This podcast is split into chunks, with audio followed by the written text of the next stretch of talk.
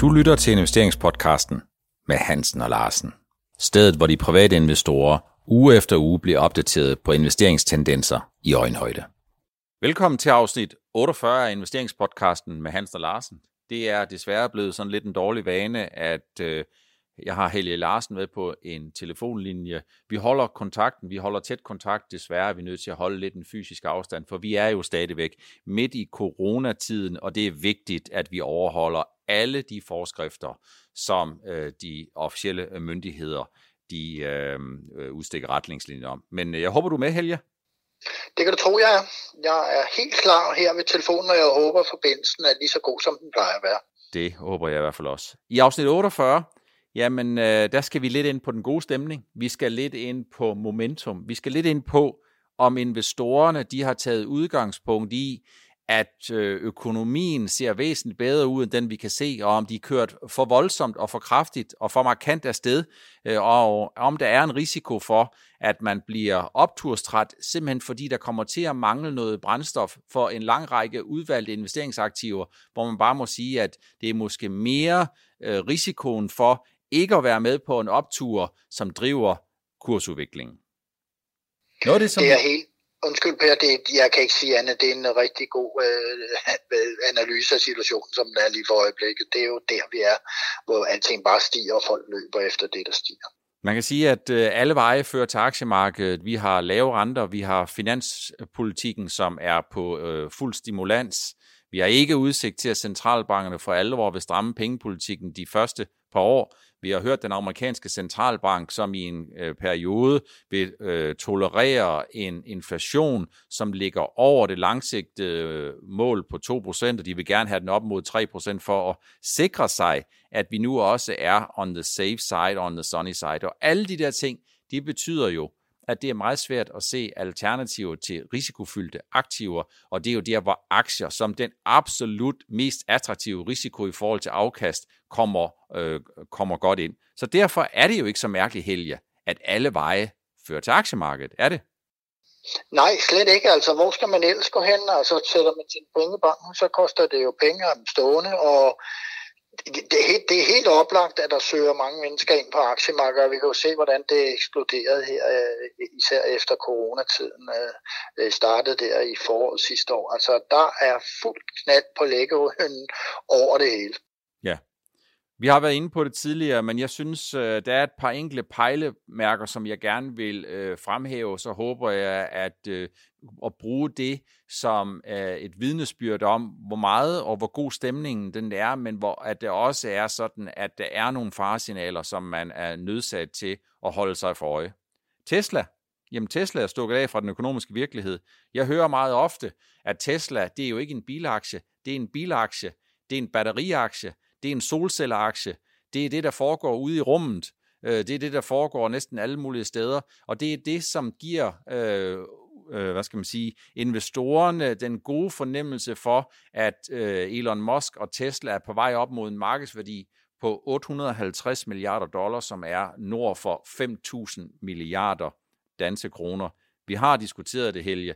Øh, på den ene side, jamen så bliver Tesla sandsynligvis og formentlig presset en lille smule af kineserne. NIO har i den her uge annonceret, at de kommer med en sedan med en rækkevidde på mere end 1000 km på en opladning. Og jeg tror øh, fortsat på, at øh, tyskerne ikke bare vil se øh, måbne til, at Elon Musk han stjæler øh, det, øh, eller det bilmarked, som de jo synes, at de har en berettiget del af, og hvor de har haft en markedsdominerende position øh, hidtil. Øh, er, der noget, er der noget nyt omkring Tesla? Er der noget nyt, der kan egentlig for alvor understøtte, Helge, at aktiekursen er på vej mod 1000? Øhm, det, er ikke mit indtryk, at der er noget nyt, som, øh, som ryster investorerne i troen på det her, øh, efterhånden må vi vel nok kalde det et ikonisk øh, selskab, hvor, hvor man bygger alle mulige store øh, fremtidsdrømme op øh, i forbindelse med. Og det må jeg nok sige, at øh, jeg tror, at vi skal derhen, hvor kvartal efter kvartal måske viser, at øh, der er konkurrenter i markedet, ikke kun på inden for bilen, bilerne, men også for eksempel på Tesla Roof, og der kommer andre, der kan lave batterier, måske på et tidspunkt Men i første gang, omgang selvfølgelig øh, bilerne, for de produceret så dem, de skal. Og øh, det begynder jeg, altså jeg tvivler endnu mere på, fordi det er jo ikke, det er jo ikke så lige til at, at bygge fabrikker op over hele verden og, og lave øh, chassier. Og ja, ja, men det er jo en traditionel industri, som, øh, hvor, hvor jeg mener, at tyskerne er simpelthen i verdensklasse på det område. Man kan sige, Helge, at hvis man kigger på Tesla, så er det jo et sted, hvor den gode stemning øh, er rigtig, rigtig god. Hvis man kigger på Bitcoin, så er Bitcoin vel den ultimative fear of missing out, den ultimative momentuminvestering. Og nu får jeg sikkert en masse Bitcoin-investorer på nakken. Det må jeg så leve med. Så når det er sådan, at jeg er lidt skeptisk over for Bitcoin, så er det ikke, fordi jeg er skeptisk over for, at man får en digital mønt eller en digital valuta, som man kan betale med. Når jeg er skeptisk, så er det udelukkende øh, ud fra, at der er nogen, der mener, at man kan regne sig frem til, at den skal koste 60 eller 80 eller 100.000 eller, eller 120.000 eller noget af den stil. Og så er det også, fordi jeg samtidig møder nogen, som siger, jamen jeg er blevet træt af aktier, fordi aktier giver ikke noget særligt godt afkast. Jeg har i hvert fald ikke fået noget godt afkast, så jeg har hørt, at man skal købe bitcoin. Det er meget nemmere, så skal man kun koncentrere sig om et enkelt aktiv, og så kører det jo egentlig. Hvad tænker du om det, Helge? Jamen altså, jeg tænker, som jeg, jeg har tænkt i flere år med det her øh, bitcoin, det er, at jeg skal ikke investere, jeg personligt skal jeg ikke investere i noget, som jeg ikke forstår, og jeg ikke forstår rækkevidden af, og jeg, øh, og jeg forstår slet ikke øh, det her, at man tør investere i noget, som ja, som ikke er godkendt af nogle centralbanker, eller kan bruges sådan lovligt i mange sammenhæng. Kan man gå ned til sin købmand og betale med bitcoin? Ja, der findes nogle to-tre kiosker i Danmark, hvor man kan gøre det, sikkert ikke. Men altså, jeg, jeg vil sige, det her, jeg vil, jeg, vil, jeg vil helst have en legalisering af, af de her øh, digitale valutaer, før vi, vi tør, tør investere i det selv. Og, jeg håber, der er rigtig mange, der, der tænker sig lidt om. Vi så jo nu her forleden dag, at der røg den uh, bitcoin 15 procent ned, fordi at man, uh, nogle myndigheder i London havde sagt, at uh, man kan risikere at tabe hele sin investering på det her. Jeg håber selvfølgelig altid det bedste for alle investorer. Jeg håber, jeg håber selvfølgelig på, at der bliver skabt mere transparens. Jeg er bare nødt til at sige, at der hvor vi er i dag, der er det en meget spekulativ øh, valuta eller digital mønt, øh, som, og der er ikke nogen, der kan regne på øh, og rimeligvis hævde, at de kan regne ud, hvad den skal koste, fordi det er den, efter min mening, den fuldbyrdede fear of missing out, nemlig hvor man køber øh, en Øh, prisudvikling på basis af, hvad Mr. Market egentlig synes, eller noget, nogle tekniske formationer. Og dem, der tror på det, det er helt fint, og det er helt fair. Øh, man skal bare passe på, at man ikke, øh, hvad skal man sige, blander teknisk analyse sammen med momentum, sammen med fundamental analyse, og så tager udgangspunkt i det, at de forskellige udfaldsrum eller analysemetodikker, hvad end der måtte være rigtigt, der lige nøjagtigt passer ind i den til enhver tid gældende sammenhæng. Fordi det er jo en form for noget mismask, og det er jo ikke noget, der for, for alvor understøtter argumentet om, hverken om den er overvurderet eller undervurderet. Ja, og det er jo, det er, det er også rigtig, rigtig svært at se, øh, hvad er formålet egentlig med at købe nogle, nogle nogle bitcoin set ud fra et brugsmæssigt synspunkt. Ikke? Det er jo faktisk det, der man, man kigger på med, øh, med aktier. Jamen, hvad er formålet med at købe en bestemt aktie? Det er jo at investere i nogle, nogle penge i noget, som øh, har noget produktion eller øh, opfylder nogle reelle behov. Mm. Og det har jeg meget svært ved at se, Bitcoin gør, udover dem, som kan være interesserede og være anonyme i deres pengetransaktioner. Man kan sige, at øh, jeg håber selvfølgelig på, at bitcoin bliver en af de ting, som de brede investorer de kommer til at tjene nogle penge på. Øh, når man kigger på, hvor den kan handles, jamen, så er et af de steder, hvor man kan handle den, det er jo på sådan en tracker, XPT hedder den, øh, som, øh, som kode. Så for alle dem, som synes, det er spændende, for alle dem, der synes, at de gerne vil stifte bekendtskab med det, jamen, så findes der altså faktisk også en børsomsat tracker, hvor man kan finde ud eller følge med øh, i udviklingen hele tiden, og likviditeten i den, den er i hvert fald sådan mellemgod, så der er ikke nogen, der ligesom tænker, vi kunne godt tænke os at være med, vi kunne godt tænke os at købe et børsomsat øh, produkt, hvor er det, vi kan købe den hen? Jamen, dem kan man selvfølgelig også købe hos Nordnet, og øh, øh, koden den hedder XBT, så vidt jeg husker. Ja, der er nogle stykker af dem, men, men vi må jo bare begge to øh, nok konkludere, at man skal, øh, øh, man skal ikke sætte hele sin formue og børneopsparing og pensionerne i den her slags.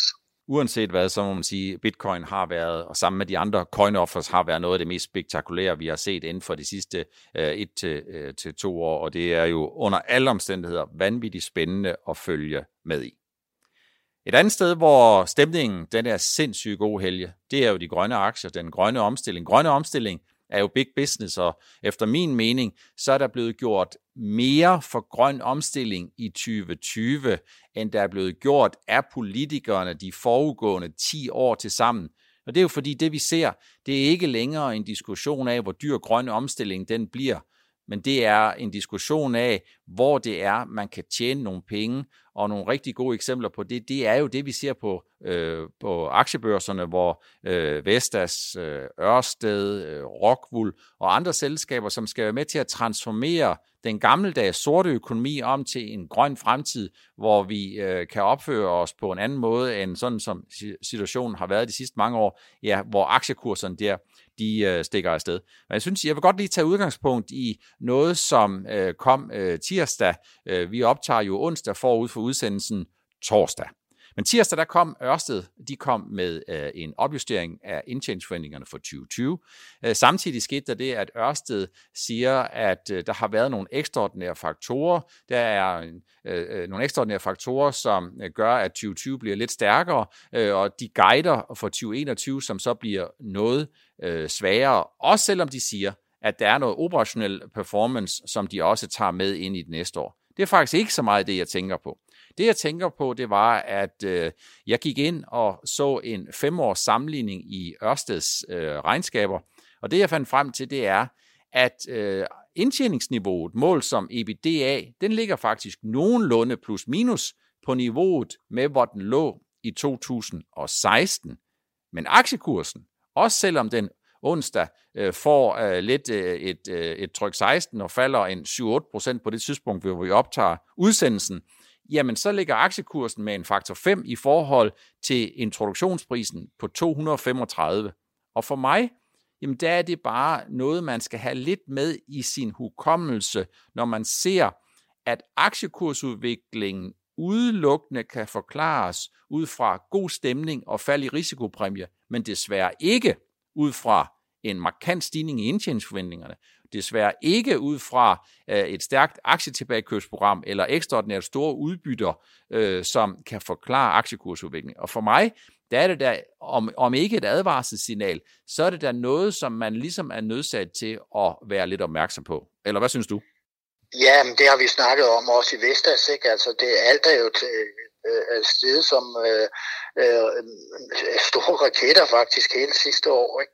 Og øh, nu er det så spændende, om det fortsætter her i 2021, og hvor vi lige vel og mærke skal Ørsted, det er jo ikke verdens bedste prognose i forhold til, hvad analytikerne havde forventet her, der kommer for 2021.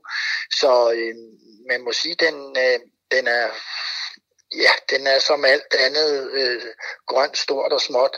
Øh, der er kurserne meget, meget høje i forhold til indtjening og til, også til den forventede indtjening i de kommende år. Så vi må bare sige det her med, at der er momentum, det har gør jo, at der kommer endnu mere momentum, og vi må sige, at det meget af det er drevet af store fonde og pensionskasser og sådan noget, som, som virkelig øh, køber, ind, øh, køber grønt i, til deres øh, porteføljer. Ja, man kan sige, at pensionskasserne køber grønt, fordi pensionsopsparerne de køber grønt. Så i nogle af de der fritvalgsfonde, hvor man selv kan tage stilling til det, jamen der kan vi jo øh, se, øh, tror jeg, at det er meget overbevist om, der kan vi se, at rigtig mange trykker på den grønne knap, og vi kan også se, i hvert fald her hos Nordnet, der kan vi se, at rigtig mange synes rigtig godt om Vestas og Ørsted. Så både direkte og indirekte, så flyder der jo rigtig, rigtig mange penge ind i den grønne omstilling. Det synes jeg er fedt. Øh, jo flere penge, der kommer ind, jo bedre muligheder har vi langsigtet for at sikre os, at den grønne omstilling for alvor bliver til noget, og at den trods alt faktisk bliver så billig, øh, som det nu engang kan lade sig gøre, selvom den langt fra sådan for alvor bliver walk in the park rent øh, økonomisk. Men jeg kan godt tænke mig at måske stille noget konkret, øh, Helge, i relation for eksempel til Ørsted eller Vestas eller nogle af de andre. Kan man forestille sig, at når det er sådan, at der er sådan, i hvert fald på kort sigt, lidt et mismatch mellem de indtjeningsforventninger, der ligger i selskaberne, og så de aktiekurser, som investorerne er villige til at købe ind til, og den fremtidige indtjeningsforventning, som de ønsker at sætte deres investeringspenge på, kunne man så forestille sig, at noget af det, det skyldes, at ledelserne de sådan er, er lidt forsigtige med deres udmeldinger, fordi de er bange for at love noget, som bliver øh, borte med blæsten, hvis nu jeg skal blive inden for vindindustrien. Det, det er da helt klart, og det, det er jo også en ledelsesopgave sådan set at prøve at være så realistisk som muligt, og ikke prøve at blæse tingene op, som man måske, i, hvis man har haft et par gode måneder med stor ordreindgang, altså at man måske lige overser, at der, der lavet lurer nogle faremomenter forud, og der er jo en skarp konkurrence i den her branche.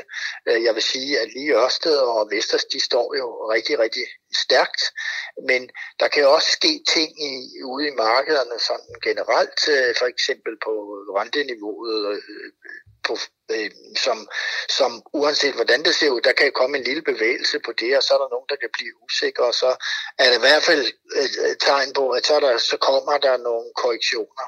Og det tror jeg, der kommer hen ad vejen her, men altså, der er ingen tvivl om, at det grønne, der vil fortsat være momentum, og der vil strømme penge ind i den sektor i de kommende år. Øh, jeg vil lige sige, at sådan noget som jeg så det for eksempel inden for Brint her, hvor jeg havde omtalt et selskab med Hexagon Purus her, i forrige uge i Millionærklubben, jamen øh, den, den tager jo vildt af. De, øh, de har jo dårlig nogen omsætning, men de har jo fantastisk mange øh, partnerskaber inden for det her med brint, og, og politikerne er meget positive overfor det, både i EU, men også i USA. Så ja, jeg tror, at det grønne her, det bliver ved med at køre videre.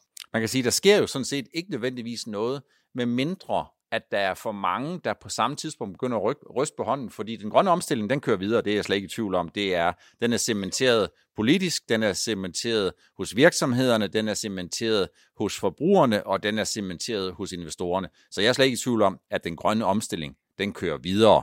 Der, hvor jeg er en lille smule i tvivl, det er om profitabiliteten i den grønne omstilling i de selskaber, som driver og skal være med til at drive den grønne omstilling, om den kan følge med. Det vil sige, jeg er sådan set ikke i tvivl om, at Vestas de skal sælge mange flere vindmøller op. Jeg er heller ikke i tvivl om, at de skal sætte mange større vindmøller op. Jeg er heller ikke i tvivl om, at de får masser af servicekontrakter. Det, hvor jeg er sådan lidt i tvivl, det er, om den profitabilitet, som jo sammen med væksten er helt afgørende for, hvad for nogle priser selskaberne kan handles til, og hvad man kan forsvare, om den følger med op. Og der kommer jo et tidspunkt, hvor vi nær, med et krydspunkt, hvor man øh, lige pludselig øh, begynder at se på det. Øh, og så kan vi jo gætte på, hvornår det er. Øh, jeg vil skyde på, at øh, vi måske skal pænt ind i 2021, øh, måske i Q4 eller sådan noget lignende, hvor man har haft nogle kvartaler at kigge på, før man for alvor sætter de to ting op mod hinanden. Men, men tror du øh, regulært set, Helge, at øh, man bliver bedt om at komme til kassabrættet i 2021? Tror du ikke bare, at, at de investorer, som sidder og kigger langsigtet, jamen de vil sådan set egentlig sige, at 2021, det er godt nok kun ungt. Vi er kun uh, inde i dag 13 eller dag 14, og der hvor vi skal uh, udsende. Men uh, det her med grøn omstilling, det er jo noget, man er nødt til at have de fjern, fjernsynede briller på, og der kigger vi måske frem mod 2025 eller 2030, før vi sådan for alvor skal gøre op, om det var umagen og risikoen værd. Jo, men jeg sidder og tænker på alle de investorer, der risikojusterer øh, også, og det gør man jo også inden for dem, der laver, går, laver momentum-investeringer. Øh, de risikojusterer også, og det eneste, de kan efter, det er at kigge på konkurrencesituationer og se på, hvad, hvordan de løbende kvartalsregnskaber er. Og derfor kan der godt være nogle flytninger inden for sektoren, som betyder, at der er nogle aktier, der får noget fald. Altså hvis man siger, at det teknologi virker ikke, de har ikke fået nogen kunder, partnerne, de har opsagt kontrakterne og sådan noget. Og det det, det er jo sådan noget, der kan ske undervejs, og der mener jeg måske sidst i 2021 har man haft tre kvartaler efter en voldsom stigning i, i sektorens selskaber i 20, men måske også her i, i, i første halvår af, af 21. Så altså, det, risikojustering, den vil komme undervejs, og, og så det, det er uagtet, at man lange briller på, fordi det kan være, at græsset er endnu grønnere i den grønne sektor et andet sted, end det man lige har valgt. Her spørgsmål om det bliver lysegrønt eller det bliver mørkegrønt. Under alle omstændigheder, så ved vi jo, at grønt det, grønt det er håbets farve, og det er i hvert fald det, som kører kursudviklingen, og jeg håber selvfølgelig på, at øh, den bliver ved med at køre. Jeg håber ikke på, at der er nogen, der får sig et ordentligt slag over næsen, fordi det ved vi af erfaring, at det er noget af det, øh, som, øh, som kan gøre investorerne rigtig, rigtig nervøse, hvis det er sådan, at de øh, kører med fuld fart frem, og så lige pludselig oplever, at det her, det var altså den forkerte vej, man kom til at køre, og så bliver man i tvivl om, om bremserne de svigter. Der er også en anden ting. Ja, vi kan godt, må jeg lige sige, vi kan gå sådan set godt være enige, hvis man nu sammenligner med .com og alt det. Der er meget mere substans i den grønne bølge, end det vi oplevede med dotcom-perioden. Så jeg tror jeg aldrig, vi kommer ind i sådan en, en, en en reaktion, som vi havde dengang på dotcom, selvom øh, øh, aktierne var meget overvurderet dengang, og det er det jo også, også nu. Men, men selskaberne, der er altså mere substans i selskaberne og deres teknologier og deres salg og den politiske velvilje. Det synes jeg er en super god pointe, Helge. Det er bredere funderet, det er øh, øh, bredere funderet i en længere tendens, og så kan man godt sige, at det er jo ligesom det altid plejer. I starten, jamen der er aktiekurserne, de stikker væk fra den økonomiske realitet, og det er fordi investorerne, de sidder og kigger på, øh, hvad der sker i 2023 eller 2024, mens de økonomiske realiteter, det er, at tingene, de skal altså lidt op i gear, og før man kan høste, jamen så er man jo nødt til at så. Ja, en anden ting, som jeg også lige øh, øh, gerne vil lidt ind på, Helge, det er jo noget af det, som vi har set på aktiemarkedet, momentum eller ej.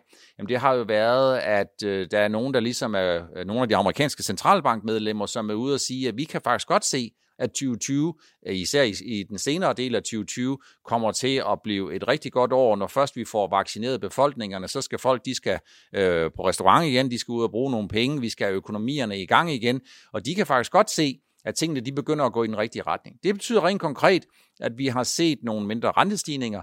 Det betyder, at nogle af de mere rentefølsomme aktier, de har reageret i hver sin retning. Vi har set amerikanske banker, vi har set europæiske banker, som øh, er steget noget. Vi har set value-aktier, som kommer lidt ud af deres skjulesteder. Og så ser vi også, at nogle af de IT-selskaber, som har været high flyers i 2020, og hvor det er svært at se, at vi har haft en kæmpe stor udfordring i form af covid-19, jamen de begynder at give, at give sig lidt og knage lidt i fugerne. Det er vel egentlig meget naturligt, Helge, hvis det er sådan, at den effekt, vi så i 2020, det var en multiple effekt, der hedder, at hvis væksten er intakt, og renten den går lavere, jamen så skal du diskontere på en anden måde, end hvis renten den går opad. Men hvad sker der nu? Hvis renten begynder at gå en lille smule opad, jeg tror ikke, renten stiger meget, men hvis renten begynder at gå en lille smule opad, så er der måske nogen, der får sig lidt en overraskelse i nogle af de her øh, IT-aktier, som er prissat lidt til den høje side. Ja, og der, har, der er netop det øh, med risikojustering, når altså man gør, altså løbende skal gøre som investor. Der er man, så ser man på sådan nogle ting, og hvis retten stiger, og man kan se, at de her IT eller tech-selskaber, det var, vi har faktisk set det lidt i, i den sidste stykke tid, øh, så falder tech, så stiger tech, men altså, der kommer et udskillelsesløb, øh, i hvert fald inden for tech, når, øh, når, når renterne stiger. Og, og, det, og det der med, at øh, vi har en finanssektor, som faktisk, der er rigtig mange gode selskaber i den, som er underdrejet banker rundt omkring, øh, med en stigende rente, jamen så, så, så smitter det også af på dem. Så øh, Ja, jeg ved ikke. Altså, der, jeg tror, der bliver risikojusteret på kryds og tværs øh, i sektorerne, alt efter hvilken parameter, der bliver skruet på, også fra centralbankernes side.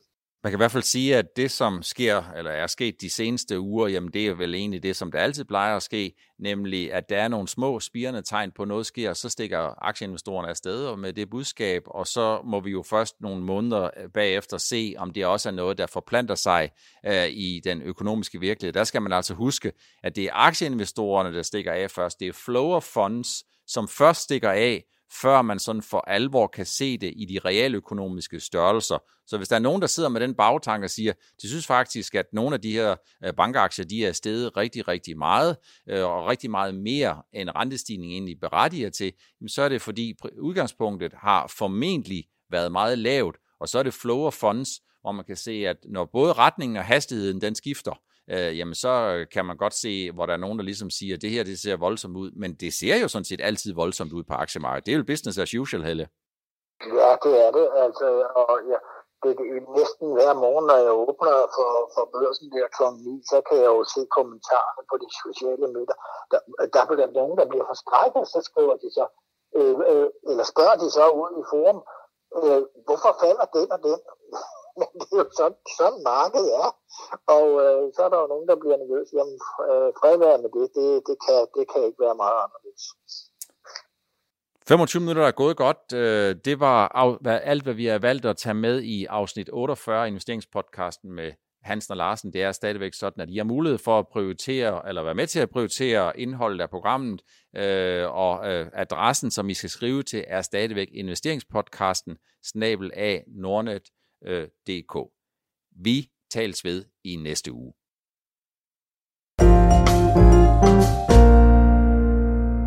Du lyttede til investeringspodcasten med Hansen og Larsen. Vi ses igen i næste uge.